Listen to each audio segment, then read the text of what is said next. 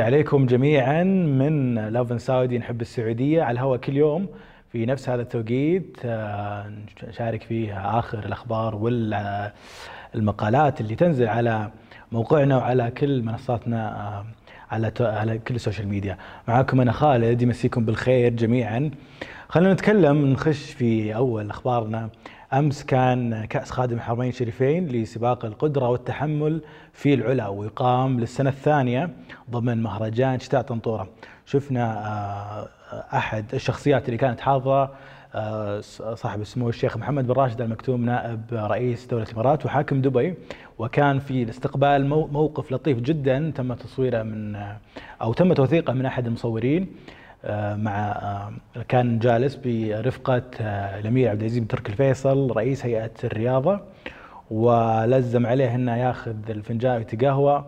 فعي عبد العزيز بن تركي الفيصل فأخذه الشيخ محمد ومد لعبد العزيز بن تركي الفيصل. وهذا إذا قلنا يعني في شعور إنه في بيته وفي داره وفي مكانه.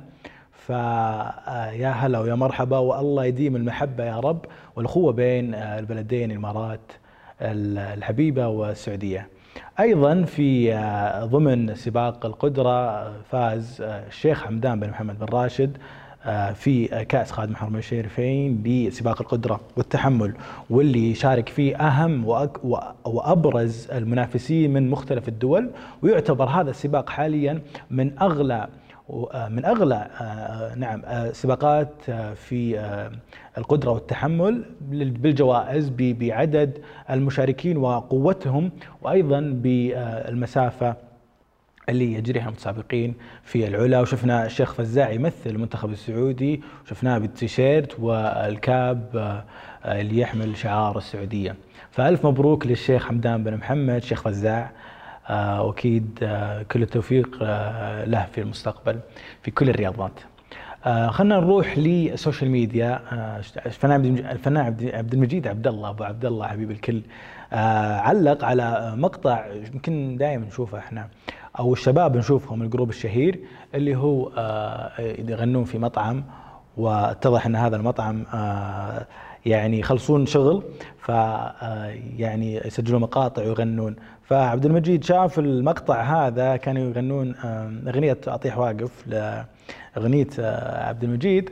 فقال آه، أثنى عليهم في تغريدة أمس وقال أبيكم تكونون معي في الألبوم الجاي في الكورال.